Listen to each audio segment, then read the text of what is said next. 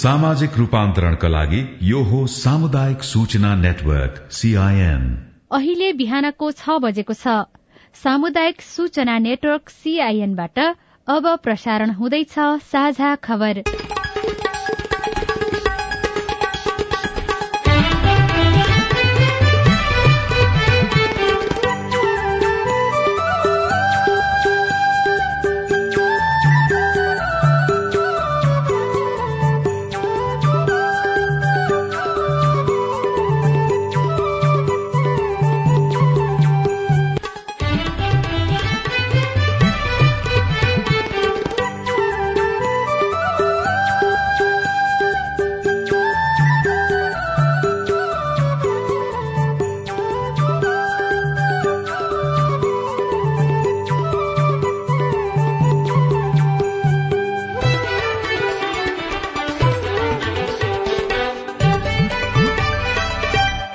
प्रभात यो सीआईएनको साझा खबर हो। स्नेहा कर्णसँगै राजन रुचालको तपाईँलाई स्वागत छ। सामुदायिक रेडियोबाट देशैभरि एकैसाथ प्रसारण भइरहेको साझा खबर सीआईएन खबर डट कम र मोबाइल एप सीआईएनबाट पनि सुन्न सकिन्छ।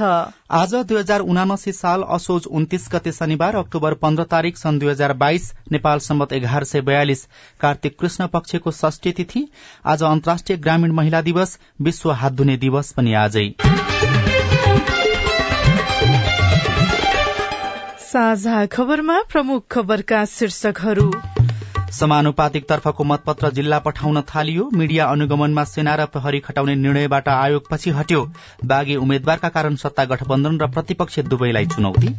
आर्थिक सुशासनलाई जोड़ दिँदै नेपाली कांग्रेसको घोषणा पत्र तयार। आयात प्रतिबन्ध थप दुई महिना बढ़ाइयो। सुनकोशी मरिन डाइभर्सन सुरुङ निर्माण शुरू निर्वाचनको मुखमा विभिन्न व्यवसायमा लाइसेन्स वितरण रोक्न आयोगमा उजुरी।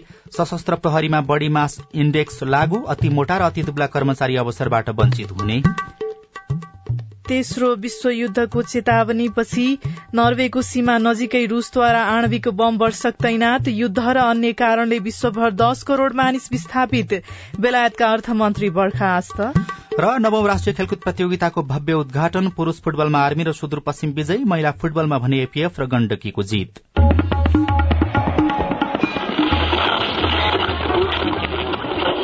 सयौं रेडियो। हजारौं रेडियो कर्मी र करोड़ौं नेपालीको माझमा यो हो सामुदायिक सूचना नेटवर्क सीआईएन साझा खबरको सबैभन्दा शुरूमा समानुपातिक तर्फको मतपत्र जिल्ला पठाउन थालिएको सम्बन्धी प्रसंग पहिलो हुने निर्वाचित हुने प्रणाली प्रत्यक्षतर्फको मतपत्र छपाई शुरू भएको छ भने समानुपातिक निर्वाचन प्रणालीतर्फको मतपत्र ढुवानी पनि शुरू गरिएको छ। आठ जिल्लाका लागि आवश्यक समानुपातिक तर्फको मतपत्र हिजोबाट ढुवानी शुरू गरिएको निर्वाचन आयोगले जनाएको छ। आयोगका प्रवक्ता शालिग्राम शर्मा पौडेलका अनुसार असोज एकतीस गतेभित्र पैंतिस जिल्लामा मतपत्र ढुवानी सम्पन्न भइसक्नेछ।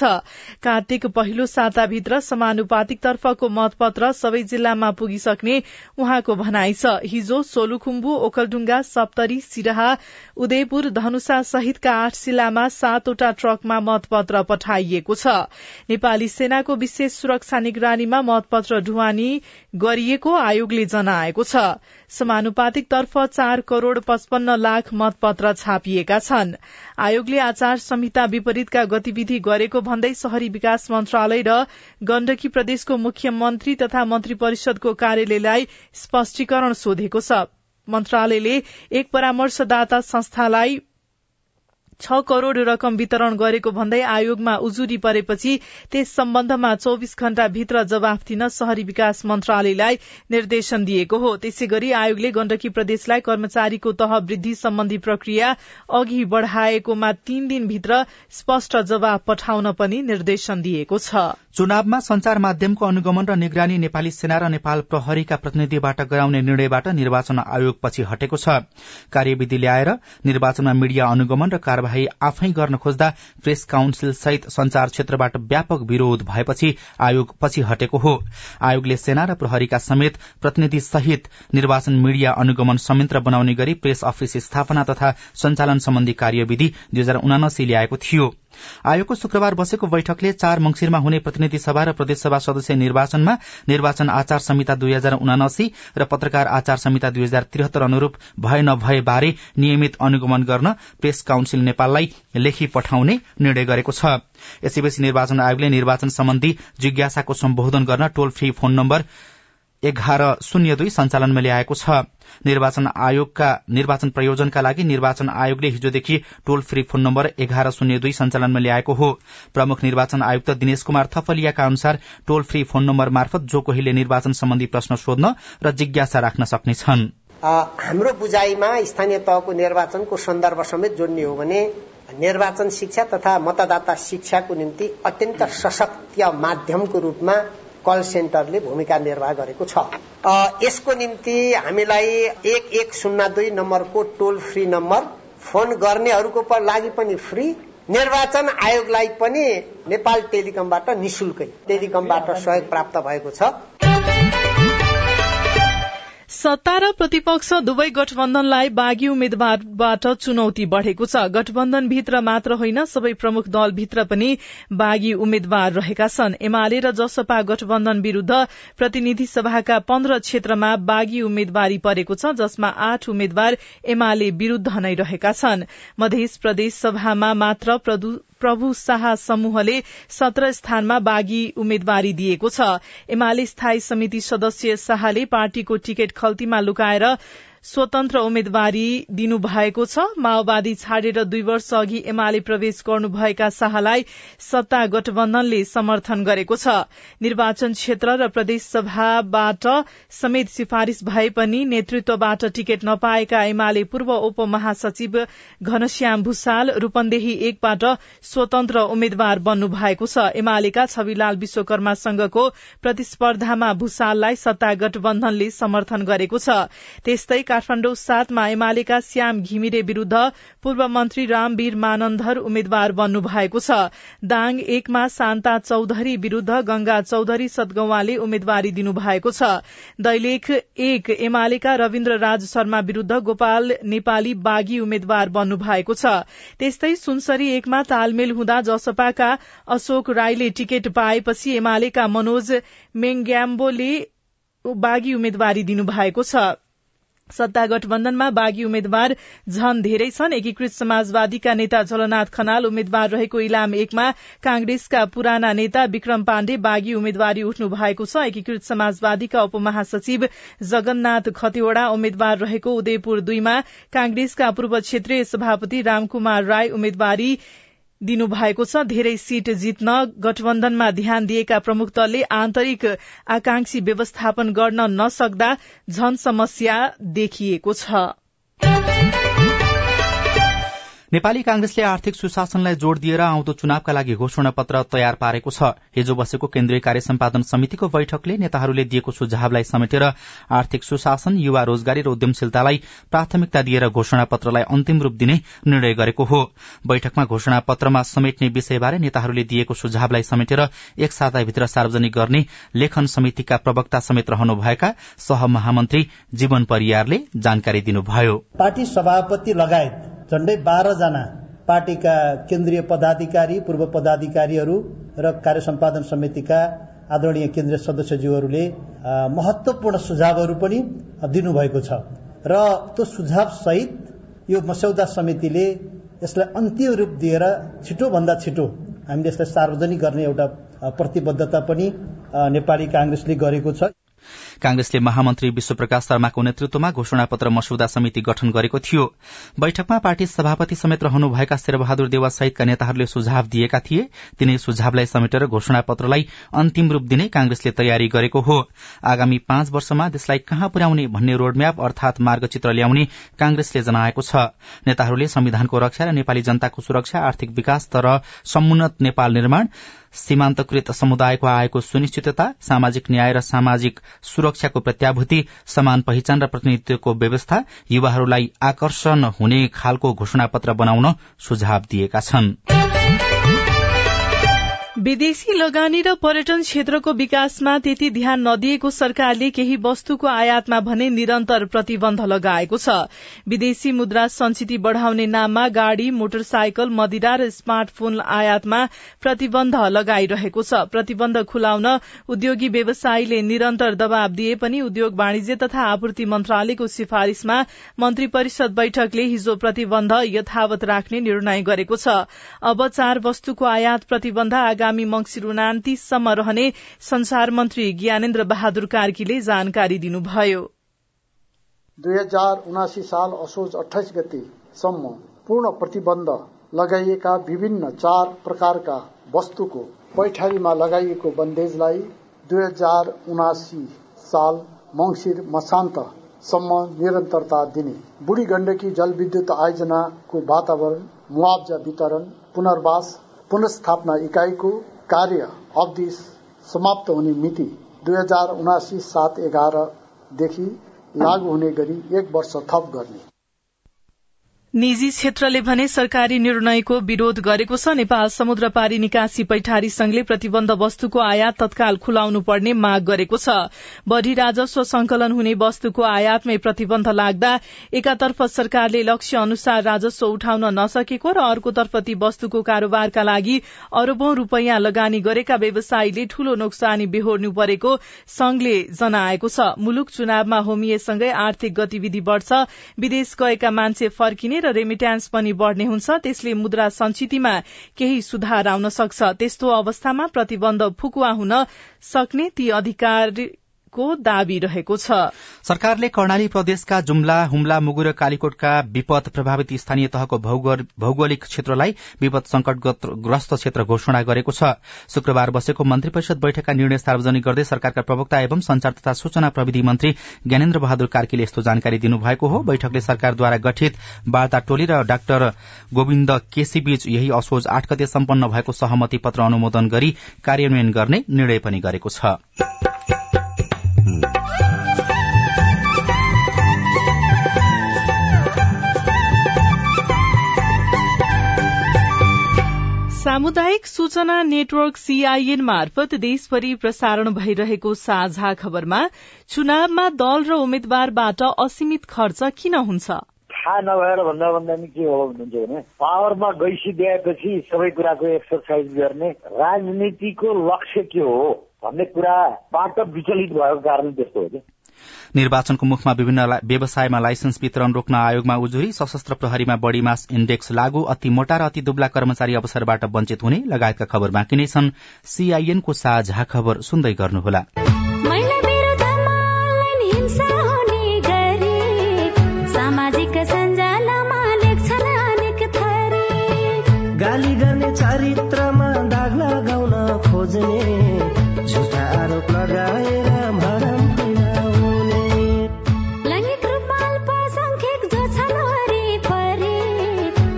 थरी हिंसा गर्छन् होच्याउने गरी।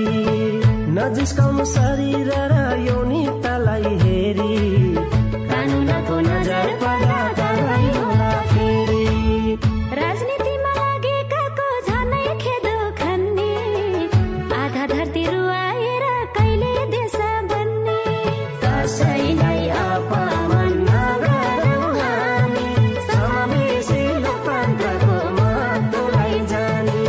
सामाजिक सञ्जाल लगायत अनलाइनमा हुने मिथ्या समाचार दुष्प्रचार र घृणा जन्य अभिव्यक्ति कानूनी रूपमा दण्डनीय छ। अनलाइन हिंसा नगरौं र नसहौं। युएसएआईडी र एनडीआई नेपालको आर्थिक तथा प्राविधिक सहयोगमा पर्पल फाउन्डेशनको चेतनामूलक सन्देश। नेपाल टेलिकमको सूचनाको संसार। होइन के सुनेको यस्तो ध्यान दिएर दोहोरो बोलेको जस्तो नि देख्दिन। तीन दुई एक शून्य शून्य क्या? तीन दुई एक शून्य शून्य। के हो त्यो भने? बुझिन त। ल सुन एनटिसी प्रयोगकर्ताहरूले आफ्नो मोबाइल तथा ल्यान्डलाइनमा तीन दुई एक शून्य शून्य डायल गरी समाचार रेडियो कार्यक्रम खेल र अन्य विषय बारे सन्देशहरू जुनसुकै बेला निशुल्क सुन्न सक्छन्। ओहो निशुल्क? कस्तो सजिलो। समाचार सुन्न छुट्यो भनेर पिर लागेको थियो। अब त म पनि सुनिहाल्छु। कति रे? तिन दुई एक। शून्य शून्य। सामाजिक रूपान्तरणका लागि यो हो सामुदायिक सूचना नेटवर्क सीआईएन तपाईँ अहिले देशभरिका सामुदायिक रेडियो सीआईएन खबर डट कम र मोबाइल एप सीआईएनबाट एकैसाथ साझा खबर सुन्दै हुनुहुन्छ। मोबाइल एप नेपाली पात्रोबाट पनि सीआईएनको साझा खबर सुनिरहनु भएको छ। अब आज काठमाण्डुबाट प्रकाशित पत्र पत्रिकाका खबर।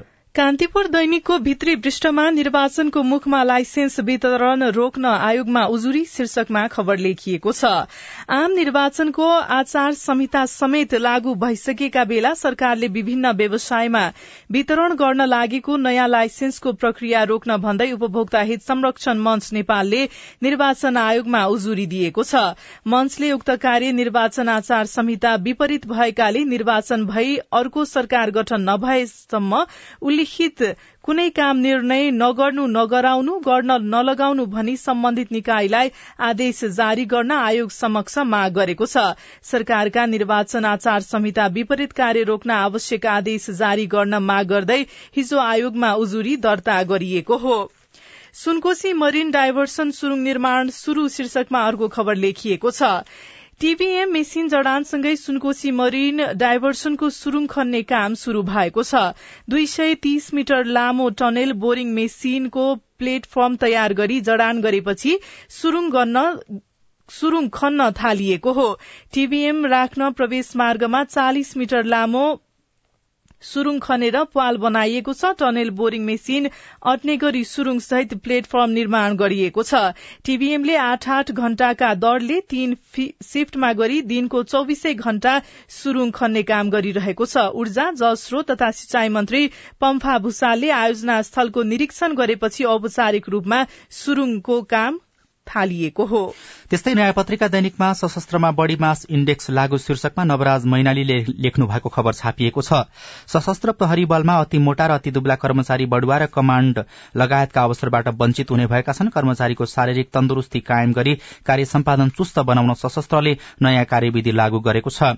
जस अनुसार उचाइ अनुसारको तौलको मापदण्ड तोकिएको छ। सशस्त्र प्रहरी बल नेपालमा बढ़ी मास इण्डेक्स बीएमआई का आधारमा स्वास्थ्य वर्गीकरण सम्बन्धी कार्यविधि दुई हजार उनासी लागू गरिएको हो। कार्यविधि अनुसार अति दुब्ला र अति मोटा प्रहरी कर्मचारी महत्वपूर्ण सुविधा तथा अवसरबाट वञ्चित हुनेछन्। कार्यविधिले बीएमआई का आधारमा चार किसिमको स्वास्थ्य वर्गीकरण गरी उनीहरूलाई सजाय स्वरूप अवसरबाट वञ्चित गर्ने प्रावधान राखेको छ। अति मोटा र अति दुब्ला वर्गमा पर्ने कर्मचारी बढुवा कमाण्ड युएन मिशन र विदेशमा हुने तालिम तथा सेमिनारमा भाग लिन अयोग्य हुनेछन्। यस्तै दुब्लो र बढ़ी मोटा वर्गमा पर्नेहरू बढुवाका लागि योग्य हुने तथा कमाण्ड युएन मिशन तालिम विदेश सेमिनारको लागि अयोग्य हुने बताइएको छ। बढुवाका लागि पनि उनीहरू अयोग्य हुनेछन्। मोटो वर्गमा पर्नेहरू बढुवा तथा कमाण्डमा भाग लिन योग्य तथा युएन मिशन र विदेश तालिम तथा सेमिनारका लागि अयोग्य हुने नियम लागू गरिएको खबरमा उल्लेख गरिएको छ। साझा खबरमा अब हेलो सीआईएन उषा तामाङबाट। म कालीकोट जिल्लादेखि गोविन्द खट्यात बोल्दछु। अपाङ्गता भएको व्यक्तिले विदेशको लागि भिसा लगाउन पाइन्छ कि पाइँदैन होला? यदि भिसा लगाउन पाइन्छ भने पासपोर्ट बनाइसकेपछि कहाँ गएर भिक्षा लगाउनु पर्छ होला? तपाईँको प्रश्न हामीले वैदेशिक रोजगार कार्यालय ताहचल काठमाडौँका सूचना अधिकारी वसन्त बोहरालाई सुनाएका छौं। सकभर अब अपाङ्गता भएका व्यक्तिहरू बाहिर गएर सुरक्षाको दृष्टिकोणले र त्यहाँ काम गर्नेदेखि लिएर विभिन्न जुन चुनौतीपूर्ण छ त्यसो भएको हुँदाखेरि सकभर अपाङ्गता भएका व्यक्तिहरूलाई स्वदेशमै बढी सुरक्षित हुन्छन् कि भन्ने हाम्रो अपेक्षा हो। त्यसैले अब त्यो अपाङ्गता पनि अब कुन वर्गको अपाङ्गता हो त्यो आधारमा रेस्ट्रिक्सनै भन्ने त भएन। र अपाङ्गताको वर्ग अनुसार चाहिँ सामान्य खालको अपाङ्गता छ त्यस्तो छ भने केही देशहरूमा जान सक्ने स्थिति र अझ विशेष गरेर कोही आफन्त अथवा त्यस्तो अवस्था छ भने अलिक सहजीकरण गरेर पठाउन सक्ने स्थिति छ भने सामान्यतया अपाङ्गता भएका व्यक्तिलाई बाहिर पठाउन सक्ने स्थिति छैन। चितवनबाट सन्तोष भण्डारी सीआईएनको फेसबुक मार्फत सोध्नुहुन्छ बिहान उठ्दा नाक बन्द हुन्छ अनि पानी पनि बग्छ र हाच्छिउ आउँछ। यसले साह्रै समस्या गरेको छ। यसको समाधान केही होला? समाधान गर्ने उपाय बताउँदै हुनुहुन्छ डाक्टर विनोद दंगाल अब उहाँको समस्या सुन्दाखेरि चाहिँ यो राइनोसाइनोसाइटिस हो होइन? नाकको एक प्रकारको समस्या हो होइन? नाकको भित्रपट्टिको भागहरूमा संक्रमण भएर र पिनासमा समस्या भएर हुने संक्रमण हो। त्यसलाई हामी एक एकमुष्ट राइनोसाइनोसाइटिस भन्छौँ। यसलाई कसरी बच्ने भन्दाखेरि चाहिँ अब एउटा त यो तापक्रम कम भएको ठाउँमा जाडोमा त्यस्तोमा हुन सक्छ। त्यसलाई चाहिँ हामीले सकेसम्म मनतातो पानीहरू प्रयोग गर्न सक्छौँ एउटा भने सामान्य रूपमा औषधिहरूको सेवन गर्न सकिन्छ। अनि अर्को चाहिँ ताप लिन सकिन्छ। भगवा उम्लेको पानीमा सन्चोहरू हालेर अथवा चाहिँ अदुवा बेसार पिनेर हालेर त्यसको पनि दिनकै प्रयोग गर्न सकिन्छ। त्यसरी कम भएन भने चाहिँ स्वास्थ्य संस्थामा गएर यसरी डाक्टरी सल्लाह लिएर गर्न सकिन्छ।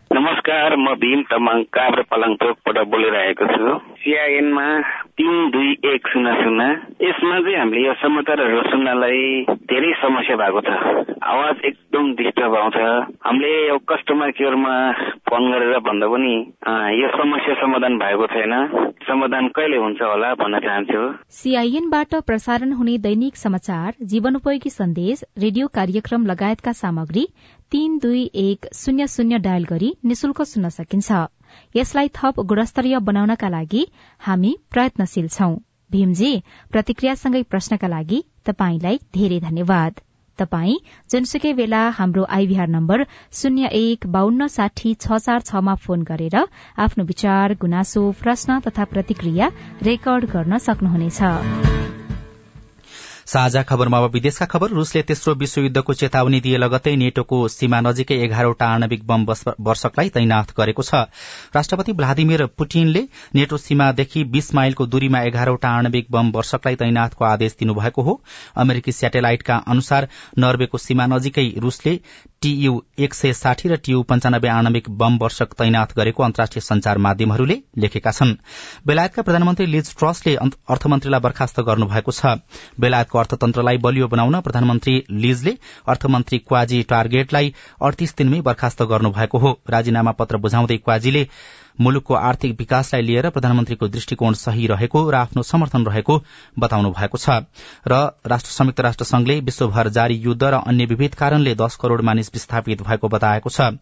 राष्ट्रसंघले युद्ध विपद र अन्य कारणले पछिल्लो दश वर्षमा विश्वभरका दश करोड़ मानिस आफ्नो घरबाट विस्थापित हुँदा उनीहरूलाई विभिन्न समस्याको सामना गर्नु परिरहेको भन्दै चिन्ता व्यक्त गरेको छ।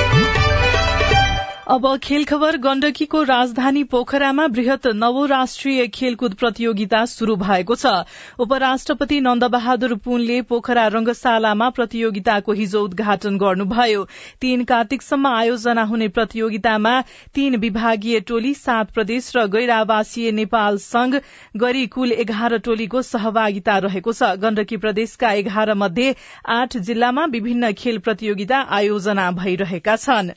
नवराष्ट्रिय खेलकुद प्रतियोगिता अन्तर्गत पुरूष फुटबलमा हिजो नेपाल आर्मी र सुदूरपश्चिम प्रदेश विजयी भएका छन्। लामाचौर स्थित गोष्ठे खेल मैदानमा भएको खेलमा सुदूरपश्चिमले कर्णाली प्रदेशलाई पाँच तीन गोलले हराएको छ। त्यस्तै अर्को खेलमा आर्मीले लुम्बिनी प्रदेशलाई चार एक गोल अन्तरले पराजित गरेको छ।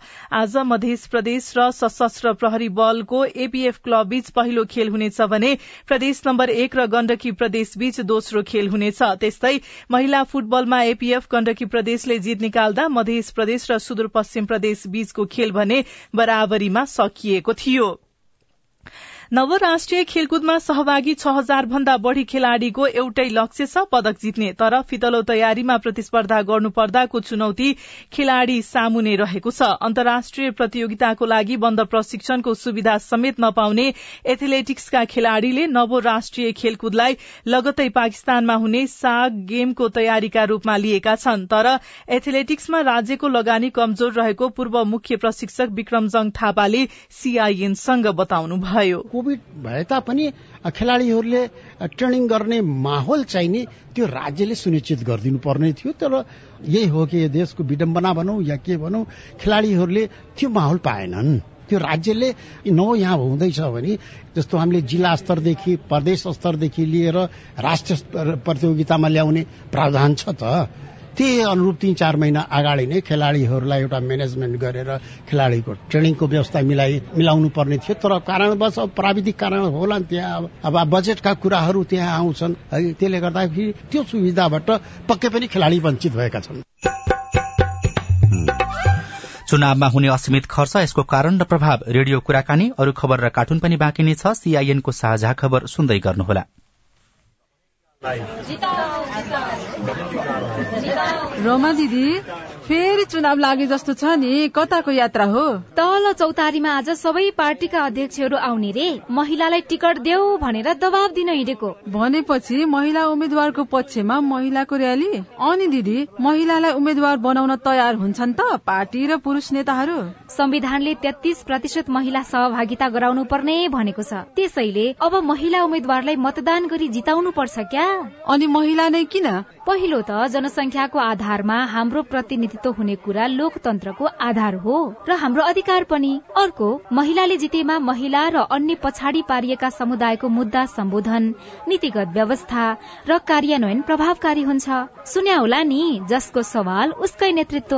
अनि सुन्नु त महिला उम्मेद्वार उठेपछि उनीहरूका घोषणा पत्रमा महिलाका लागि के के विषय राख्ने भन्ने बारे पनि यस्तै खबरदारी गर्नुपर्छ। घोषणा पत्रले महिलाको सवाल समेट्न सक्यो भने पो हाम्रा मुद्दा अगाडि आउँछन्। नेताहरू उत्तरदायी हुन्थे र हामी महिलाहरूलाई पनि भोट दिम दिम लाग्छ नि। महिला उम्मेद्वार उठेपछि महिलाका लागि के के कुरा चाहिन्छ भन्ने बारे त फेरि हामीले नै सुझाव दिने हो क्या? आगामी मंगिर चारको प्रतिनिधि र प्रदेश सभा निर्वाचनका लागि संविधानको व्यवस्था अनुसार महिला उम्मेद्वारलाई मतदान गरौं। महिला पुनस्थापना केन्द्र ओरेक नेम्स केयर नेपाल र सामुदायिक सूचना नेटवर्क सीआईएन सामाजिक रूपान्तरणका लागि यो हो सामुदायिक सूचना नेटवर्क सीआईएन साझा खबरमा अब दलहरूले चुनावमा गर्ने खर्चको कुरा। निर्वाचन आयोगले भूगोल र चुनावको प्रकृतिका आधारमा उम्मेद्वारको खर्चको मापदण्ड तोकेको छ तर दलहरूले अनौपचारिक रूपमा गर्ने खर्च आयोगको मापदण्ड भन्दा धेरै हुने गरेको छ। असीमित रूपमा हुने खर्च यसको कारण र प्रभावका बारेमा साथी लील प्रकाश चन्दले पूर्व गभर्नर दिपेन्द्र बहादुर छेत्रीसँग कुराकानी गर्नु भएको छ। गठबन्धनहरू बनाउने। जो प्रवृत्ति देखियो त्यसले एक मात्रै ध्रुव सत्य भनेको सत्ताभन्दा बाहिर केही पनि छैन भन्ने उद्बोधन चाहिँ गर्यो त्यसबाट पाउने शिक्षा के रहेछ भन्नुहुन्छ भने उल्लेख्य किसिमका विकास निर्माण र अर्थतन्त्रलाई योगदान दिने कुराहरू के भए भन्नुभन्दा पनि भ्रष्टाचार अनैतिक किसिमको कामका थुप्राहरू अनियमितताहरूको कुराहरू चाहिँ देखियो। भ्रष्टाचार गर्छु अथवा गर्नेलाई सहयोग गर्छु भनेर त कुन दलले कुन नेताले भनेका छन् र अहिलेसम्म? त्यसो भन्नु थाल्यो भनेदेखि जनताहरूले दिन दहाडै उहाँहरू चाहिँ गएको ठाउँबाटै लखेटिहाल्छन् नि त। रुजेको बिरालो जस्तो भएर छिर्ने हो। अनि त्यसपछि पावरमा गइसकिदिएपछि अनि गरिदिने हो। गठबन्धन गर्नु भनेको भ्रष्टाचारको थुप्रो बढाउनु हो भन्नुभयो नि त्यस्तो प्रकारको ज्ञान त देश हाँक्ने नेताहरूलाई थाहा हुँदैन। थाहा नभएर भन्दा भन्दा के हो भन्नुहुन्छ भने पावरमा गइसकिदिएपछि सबै कुराको एक्सर्साइज गर्ने राजनीतिको लक्ष्य के हो? भन्ने कुराबाट विचलित भएको कारण त्यस्तो हो कि। टिकट नपाएका कारण नेताहरूले स्वतन्त्र उम्मेद्वारी दिने र पार्टी छोडेको घोषणा गर्ने क्रम यसपालि अलिक बढी देखियो। अर्थको खास के छ यसमा भूमिका र? कतिपयले के भन्छन् भने दुईटादेखि पार्टी हुनु हुँदैन र त्यो दिशामा चाहिँ हामी बढिया छौँ पनि भन्छन् होइन? त्यो भनेकै के त भन्दा सरल किसिमको राजनीति गरेर सत्तामा दुईटा मध्ये अर्को नजाने विगतमा त्यही शक्तिमा बसिरहेको अब अहिले पनि त एउटा शक्ति बसिरहेको छ नि एउटा के तिन चारवटा पार्टीको गठबन्धन बसिरहेको छ होइन। अब नेपालको अर्थतन्त्र संकटमा पर्यो र तलब खुवाउने अवस्था छैन भन्ने व्यक्ति र राजनैतिक दलहरूले चुनावको बेलामा त फेरि छेलो खेलो हुन्छ त पैसाको र त्यो शक्ति प्रदर्शनको स्थिति हेर्दा त। यो हिसाबले के देखियो भने मुलुक चाहिँ जहिले पनि गरिब हुने त्यसका खेलाडीहरू सम्पन्न हुने। यहाँ त कतिसम्म छ भन्नुहुन्छ भने राजनीतिमा प्रवेश गर्दाखेरि एक प्रकारले भन्ने भने साथीहरूको चुलोमा बसेर छाक चलाउने। अनि बाहिरतिर कतै जानु पर्यो यताउता गर्नु पर्यो भने जनताहरूसँग हात थापेर जाने मान्छेहरू अरब अरबको कारोबार गर्ने सन्ततिहरू लिएर दम्म फुलेर बसेको अवस्था। मनोमौजी ढंगबाट खर्च गर्ने आर्थिक रूपमा लगानी गर्ने त्यो अभ्यासले गर्दा यो आगामी पुस्ता अथवा नेपालको ऋण जुन अनुपात छ त्यो बढ्ने र असर पर्ने हुन्छ कि हुँदैन? नेताहरूले सार्वजनिक सम्पत्तिमा गरेको लुटको कारणले गर्दाखेरि त्यस्तो हुन्छ। र चुनावमा खर्च भएको त अहिले के भने बिचौलियाहरू ठेकदारहरू अनि यस्ताहरूले खर्च गरिराखेका हुन्छन् कि त्यो पार्टीहरूलाई नि त। निर्वाचन आयोगको भूमिकामा तपाईँको असन्तुष्टि हो त्यसो भए? भूमिकामा असन्तुष्टि भन्दा पनि विगतमा यसो हेर्नुहोस् न यस्ता आचार संहिताहरू त थिएनै कसलाई कारवाही गर्यो भनेर हेर्दाखेरि त्यस्तो देखिँदैन कि प्रचार प्रसार यति साह्रो गरुङ्गो र खर्चिलो भएछ कि प्रचारको मेटेरियलहरू नै आठ दस लाख भन्दा घटिको। एउटा इन्डिभिजुअली स्वतन्त्र रूपले उठ्न थालेको उम्मेद्वारको विषयमा पनि त्यस्तो हुँदो रहेछ। वरिष्ठ नेताहरूले टिकट पाए पनि लड्दैनौँ भनेर पन्छिएर बसेको कारण पनि एउटा चाहिँ त्यो हो। गजबको चाहिँ उदाहरण त्यही नै दिन सकिन्छ है। कुराकानीसँगै हामी साझा खबरको अन्त्यमा आइपुगेका छौं। सामुदायिक रेडियो प्रसारक संघद्वारा संचालित सीआईएनको बिहान छ बजेको साझा खबर सक्नु अघि मुख्य मुख्य खबर फेरि एकपटक समानुपातिक तर्फको मतपत्र जिल्ला पठाउन थालियो। मिडिया अनुगमनमा सेना र प्रहरी खटाउने निर्णयबाट आयोग पछि हट्यो। बागी उम्मेद्वारका कारण सत्ता गठबन्धन र प्रतिपक्षी दुवैलाई चुनौती। आर्थिक सुशासनलाई जोड़ दिँदै नेपाली कांग्रेसको घोषणा पत्र तयार। आयात प्रतिबन्ध थप दुई महिना बढ़ाइयो। सुनकोशी मरिन डाइभर्सन सुरुङ निर्माण शुरू निर्वाचनको मुखमा विभिन्न व्यवसायमा लाइसेन्स वितरण रोक्न आयोगमा उजुरी। सशस्त्र प्रहरीमा बढी मास्क इण्डेक्स लागू। तेस्रो विश्वयुद्धको चेतावनीपछि नर्वेको सीमा नजिकै रूसद्वारा आणविक बम वर्षक तैनाथ युद्ध र अन्य कारणले विश्वभर पछिल्लो दश वर्षमा दश करोड़ मानिस विस्थापित र नव राष्ट्रिय खेलकुद प्रतियोगिताको भव्य उद्घाटन। साझा खबरको अन्त्यमा कार्टुन लिएका छौं। नागरिक दैनिकबाट रविन सायमीले बनाउनु भएको यो पनि शीर्षकको कार्टुन रहेको छ। यहाँ श्रीमान श्रीमती जस्ता देखिने व्यक्ति छन्। श्रीमान चाहिँ डीबी भनेर एउटा फारम हातमा बोकेका छन्। चस्मा लगाएका चुस्स दारी पालेका उनी श्रीमतीसँग केही कुरा गर्दैछन्। पछिल्लो समय डीबी खुलेको छ। डाइभर्सिटी भिसा खुलिसके पछाडि धेरै मानिस अमेरिका जान लालायित छन्। पछिल्लो समय के पनि देखिएको छ भने अमेरिकाको विरोध गर्नेहरू डीबी भरेर अमेरिका जानको लागि उत्साही देखिने जमात पनि बढ़दो छ। त्यही कुरालाई सामाजिक सञ्जालमा विरोध पनि गर्ने गरिएको छ र माथि चाहिँ यस्तो लेखिएको छ। अब पर्यो भने अमेरिकातिरै गएर एमसीसीको भण्डाफोर गरिन्छ। सकियो हवस् त प्राविधिक साथी सुभाष पन्तलाई धन्यवाद। अहिलेलाई राजन रुचाल र स्नेहा कर्ण विदा भयौं। तपाईँको आजको दिन शुभ होस्। नमस्कार। यसपछि देशभरिका सामुदायिक रेडियोबाट कार्यक्रम सोधी खोजी प्रसारण हुनेछ। सुन्ने प्रयास गर्नुहोला।